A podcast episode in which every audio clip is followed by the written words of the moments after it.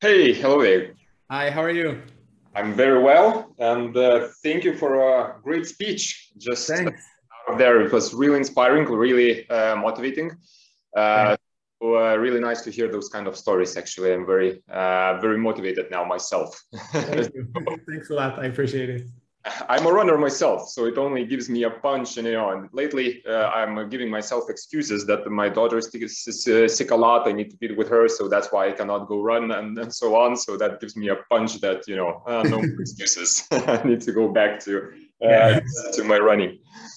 Um, but uh, thank you uh, to agreeing to join us on the Agile Couch here and uh, taking your time. Actually, I was uh, taking notes all over your speech, so sorry if I will be looking at my at my notes. That's okay. Uh, because um, uh, as inspiring as it is, I want to try and take it to, to a business environment um, or to the agile environment as we are now in the agile conference, right? And I had a lot of uh, sort of thoughts that uh, you know were an aha moments for me when when you were telling your story here um, uh, about a lot of things uh, that's uh, sort of related with uh, with how uh, it works when when we do agile. Um, so the very first thing I noted is trust and how important is trust uh, between um, coaches, consultants, maybe sometimes managers, leaders, the ones who you know come to the company and organization and sort of lead the way towards you know transformation or new ways of working or whatever that might be. Uh, similar as you told, it's uh, the trust is probably the first thing that needs to happen uh, there, right? Um, but anyhow, you you see those parallels, and anyhow you uh, tried out, you know, those lessons you've learned uh, in the uh, in in while you were going through the journey and still going through this journey in in in a business environment or anything that you know maybe even was an agile environment. So so the question, what is the question? Um, so, uh, do you do you see any you know business parallels uh, to uh, of course. you know yes uh, to to the story you just gave us uh, you know the trust and all the other things maybe you know letting go and and these things and uh, have you saw this this sort of also taking an impact in the business world the same thing? Sure. Sure. So um, I would take that into I I would say two two main things. Um, First of all, is that um, everything in business is based on relationships. I mean, when we do business with people, and you, you can take that to being a business person, and, or you can take that into an organization um, environment uh, or uh, something, some kind of ecosystem. Basically, everything that you do and the people that you interact with are people that you have a certain level of relationship. And the people that you trust the most are the people that you will usually engage into more um, uh, business relationships or professional relationships because these are the people you would like to work with. And so I would say that whenever um, entering that kind of a new environment or a new task or a new um, something goal that you have to achieve, um, if you invest in the relationships that you have with people, uh, they would be more willing to, to help you and collaborate with you rather than uh, putting your ego and trying to lead by force or lead by hierarchy. And so I would say relationships with other people are the basics of everything else that comes later. Having said that, building trust and building relationships takes time and it takes uh, uh, a lot of patience sometime to be able to, to build that necessary trust uh, to achieve uh, our goals. Uh, and so once you understand that it takes time and it takes patience, um, you know that um, learn long term, you, you, have to um, define for yourself which are the people, which are the goals, which are long term goals, and to put your energy uh, over there. This is what I would say. I would also say that uh, I, I personally believe that setting um, high level of standard in terms of being um, uh, being with integrity and being an honest person and do the right things will eventually help you to uh, build good relationships, to surround yourself with the right people, and will create the right outcomes later on. So it takes effect on marriage and of education and children, but it also takes effect on professional work and uh, and business uh, and being a business person. All right. Um, by the way, I see participants uh, joining. So if you have any questions, you're welcome also to ask uh, those uh, in the in the Huva platform. So don't be uh, don't be shy. But it's good that you mentioned the time aspect, right? That you know trust takes time and um, relationships takes time. Uh, build those relationships, um, figure out the relationships. it all takes time. but you know we are we're living in a extremely fast-paced world right now uh, you know, we want everything now. Uh, we try it out. Uh, we don't like it. We we lose it. We we maybe you know go on trying something else. Um, how to sometimes stop here and say, you know, tell yourself that it, it may take time. Um, sort of give yourself a break from you know running uh, and trying uh, basically you know um, everything uh, on a very fast pace. So how sometimes motivate yourself that you know this needs to take time. This needs to take patience. how, how, how would you, you know, any suggestions from your experience um, from that? Well, I would, the things that I do, I try to, um, I try to, first of all, be aware of, of my, how my current reality looks like. Um, and um, every once in a while, I'll try, I try to, to take a look on like the like a snapshot of my life and to ask myself, is this a life I'm satisfied with? Is, is my daily routine satisfied me in a way that I reach my goals, I do the things that I want to do, I, I feel the feelings that I want to feel on a daily basis, or am I a stressful person, an angry person without any uh, patience towards other people? Do I have healthy or not healthy relationships? So I think awareness is very important to begin with. Next step for me is to try to create time without a certain, with the purpose of just um, thinking and reflecting. Uh, I think it has a lot of meaning in, especially in our world, which is, uh, you know, we're working 200% of our energy putting on so many things. We have so many tasks and so many, uh, you know, push notifications from everywhere. So taking this self time, self reflection time, I think it's extremely important as well.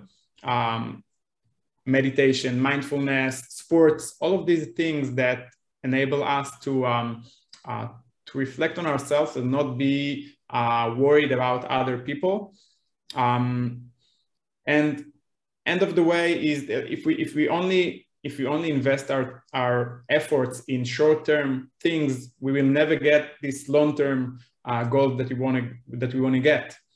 And so the biggest things are, are, are created through long-term investment, not through, not right away. It's, um, so one has to understand and it's a kind of maturity. It, it requires maturity in order to be able to have that kind of a mindset. Um, I completely agree. Uh, I always uh, tell my clients who I work with or, or, or, the company where I work with, the time to time, you know, do your own health checks, uh, stop and see where are you, what are you happy with, what if you want to change the direction or anything. That's, uh, uh, you know, sometimes you need those mm, sort of a pause uh, all the work, all the work, all the world going around you and see basically the picture where you're at. Because sometimes you just need to realize that it's a actually very beautiful picture around you. You just need, you don't see it while you're running through it so fast, right?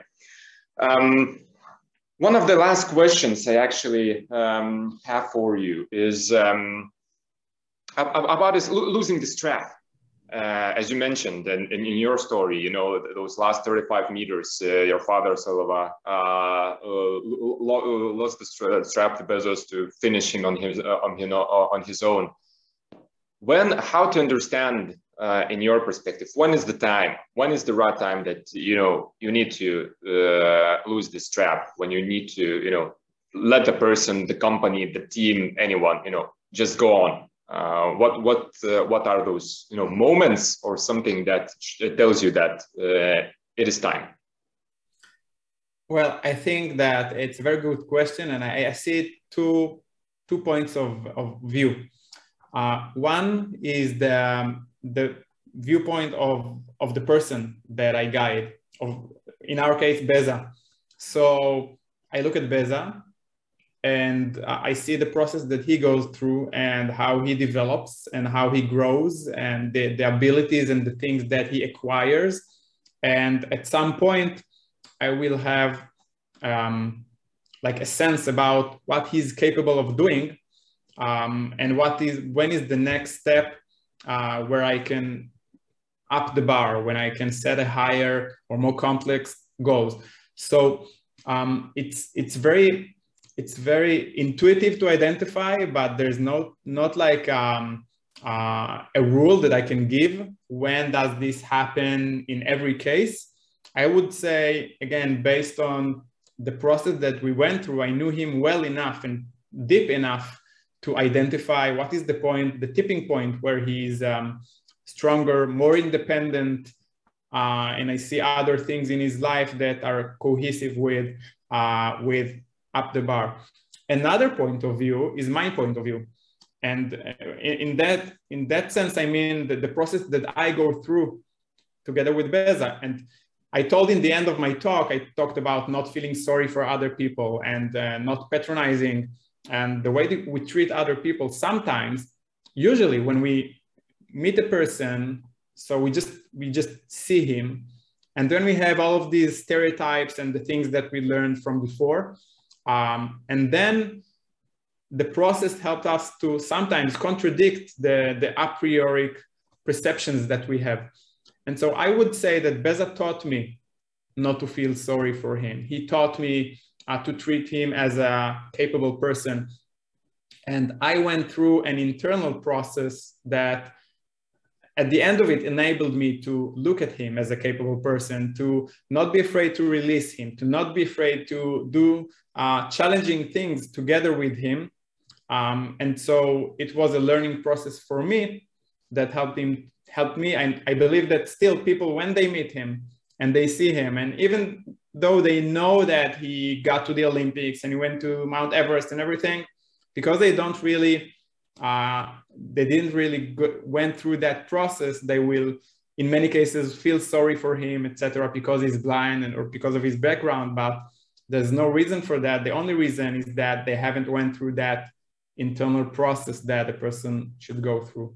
So it's like the the knowledge of the other person and it's also an internal process of trusting your team members that they're strong enough and capable enough to do their tasks and to be a part of the, the, the goal of the team wonderful uh, thank you um, for uh, uh, sort of a, probably the last question uh, today I have, you know, maybe I missed that. Uh, maybe you, you, you, told that in, in your speech. So sorry if I will repeat myself, but um, um, you know, Beza, with uh, yourself, you achieved incredible things. You know, participating in Olympics, Mountain Everest. Um, what's what's next? Uh, are you do, do, you plan any any other you know ultimate achievements and and, and these kind of uh, things together, or or you let let him go already and he's you know uh, now maybe uh, thinking of, of, of that on his own? Where um, where are you going uh, forward? Okay, so I really like this that question, and I get asked that uh, quite a lot, and um, and what I always answer that um, first of all, reality is we don't we don't we're not a competitive athletes anymore. Um, we're comparing to other athletes, we're pretty old now, uh, and also uh, uh, Beza got injured about uh, I think 10 years ago before London Paralympics. So we quit like the competitive field uh, but Beza became a um, physical education teacher. He teaches the sports in high school, in regular high school. He works with 16 years old. Uh, and I established 180 and I work with people with disabilities and established a social platform. And so I want to put emphasis on what changed. And I always say, and I learned that with time, Olympics is something that passes. It belongs to, the, to my past uh, I was there, I spent there a few days, and then I went back and moved on with my life. Same for Everest. I was there for, you know, you're on the summit for a few moments and then you move on to your journey. So what really matters is not that uh, you know, you were in a, for a few days or a few moments in a certain point, what actually matters is what is your journey? What is your way? What is the path that you choose to, to go through? And so Beza took that experience and trans, translated into education and working with other people. And I took it to my perspective and translated it also to social impact and education and helping other people to do sport without having to be in the Olympics. Uh, and so we all we are always developing. And I think that the most important thing for me is to keep developed. And there would probably be other things in the future that are not uh, existing now. But my mind, my mindset is trying to always learn new things and develop myself and do new things and not uh, not to be in stagnation not to be in the same place all the time. So it's not only about achieving it's about uh, figuring out what an impact of this achievement were to your life and what uh, what it could lead uh, you towards to. Um, Thank you uh, once again, Gaiben, for, for joining us. Uh, was uh, was a wonderful opportunity to meet you and to talk to you in person. Hopefully, maybe uh, sometime even uh, you know in live uh, atmosphere we can we can see each other. Um, so good luck, good luck with your initiative. I guess a lot of people are inspired after today, and best of luck also to to Beza on his further journey. So thank you very much. Thank you, thank you, Venice. Thank you. Bye bye.